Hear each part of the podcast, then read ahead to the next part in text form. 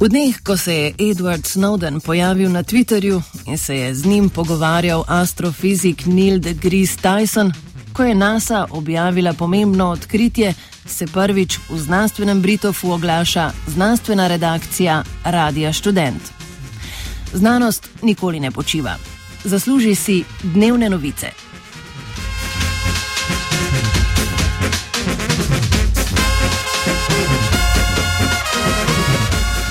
Prvi znanstveni Britov začenjamo s črvi mokarji. To so ličinke hroščev mokarjev, ki se lahko prehranjujejo s plastiko. V raziskavi so se mokari mesec dni prehranjevali s polistirenom v obliki stiroporja, ki predstavlja najpogosteje uporabljeno plastiko. Stiropor so mokari presnovili v oglikov dioksid in organsko razgradljive snovi. Mokari na dieti s stiroporjem so živeli tako dobro kot tisti, ki so imeli na voljo običajno prehrano iz otrobov.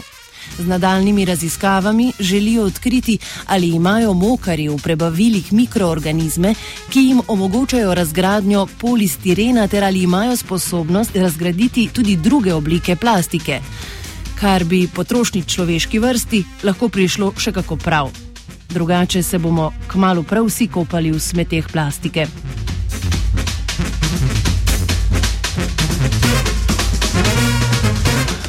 Znanstveno raziskovanje je daleč od odkrivanja tople vode, a znanstveniki NASA so storili prav to.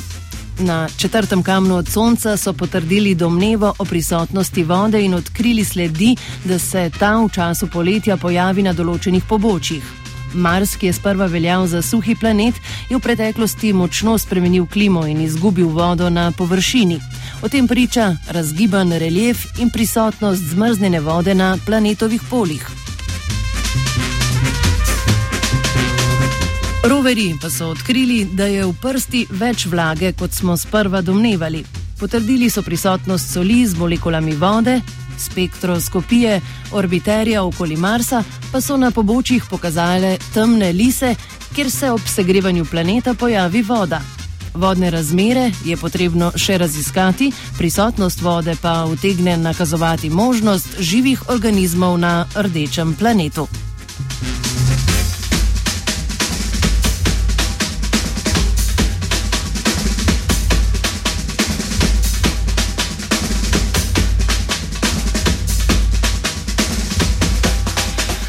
Informacije z Marsa do Zemlje potujejo s svetlobno hitrostjo in za to razdaljo potrebujejo od 3 do 22 minut, a krajše razdalje svetloba prepotuje v izredno kratkem času, kar pa bi lahko bilo zelo uporabno v računalnikih prihodnosti.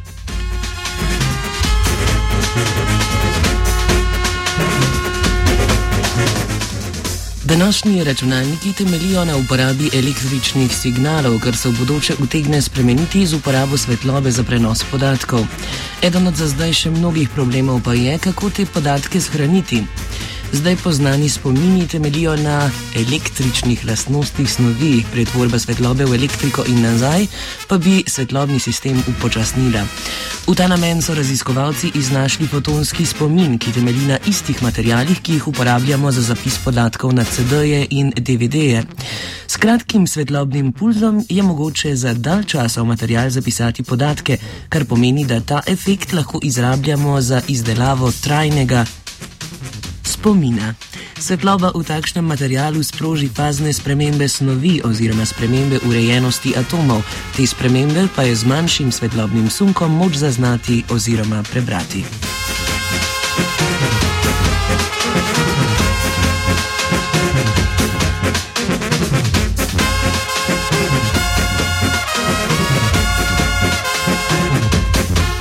Od uporabe svetlobe za prenos podatkov do odkritja prvih plazilcev s sposobnostjo biofluorescence.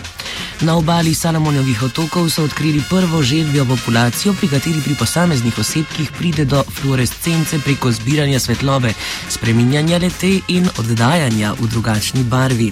Biofluorescenca je drugačna od bioluminescence, ki jo najdemo pri kresničkah, kjer pride do sproščanja svetlobe zaradi kemijske reakcije.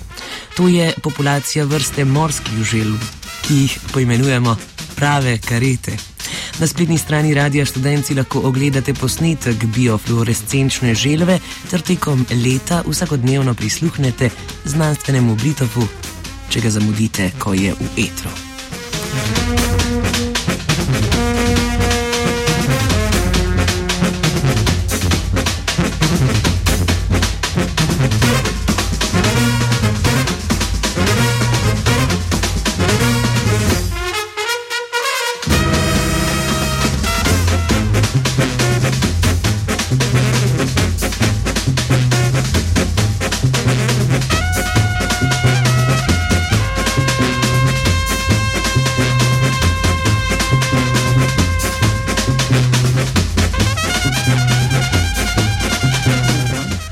Strokovni komentar uh, našega poslušalca pravi, da je moč plastenke delati tudi iz konoplje, tako da niso to edine informacije, ki jih podajajo v znanstveni redakciji.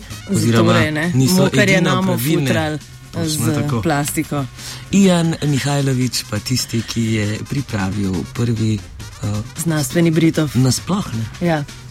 A to res vsak dan bo vzet tako? Vsak dan, uh, 5 čez 7, znanost do konca. Odlično.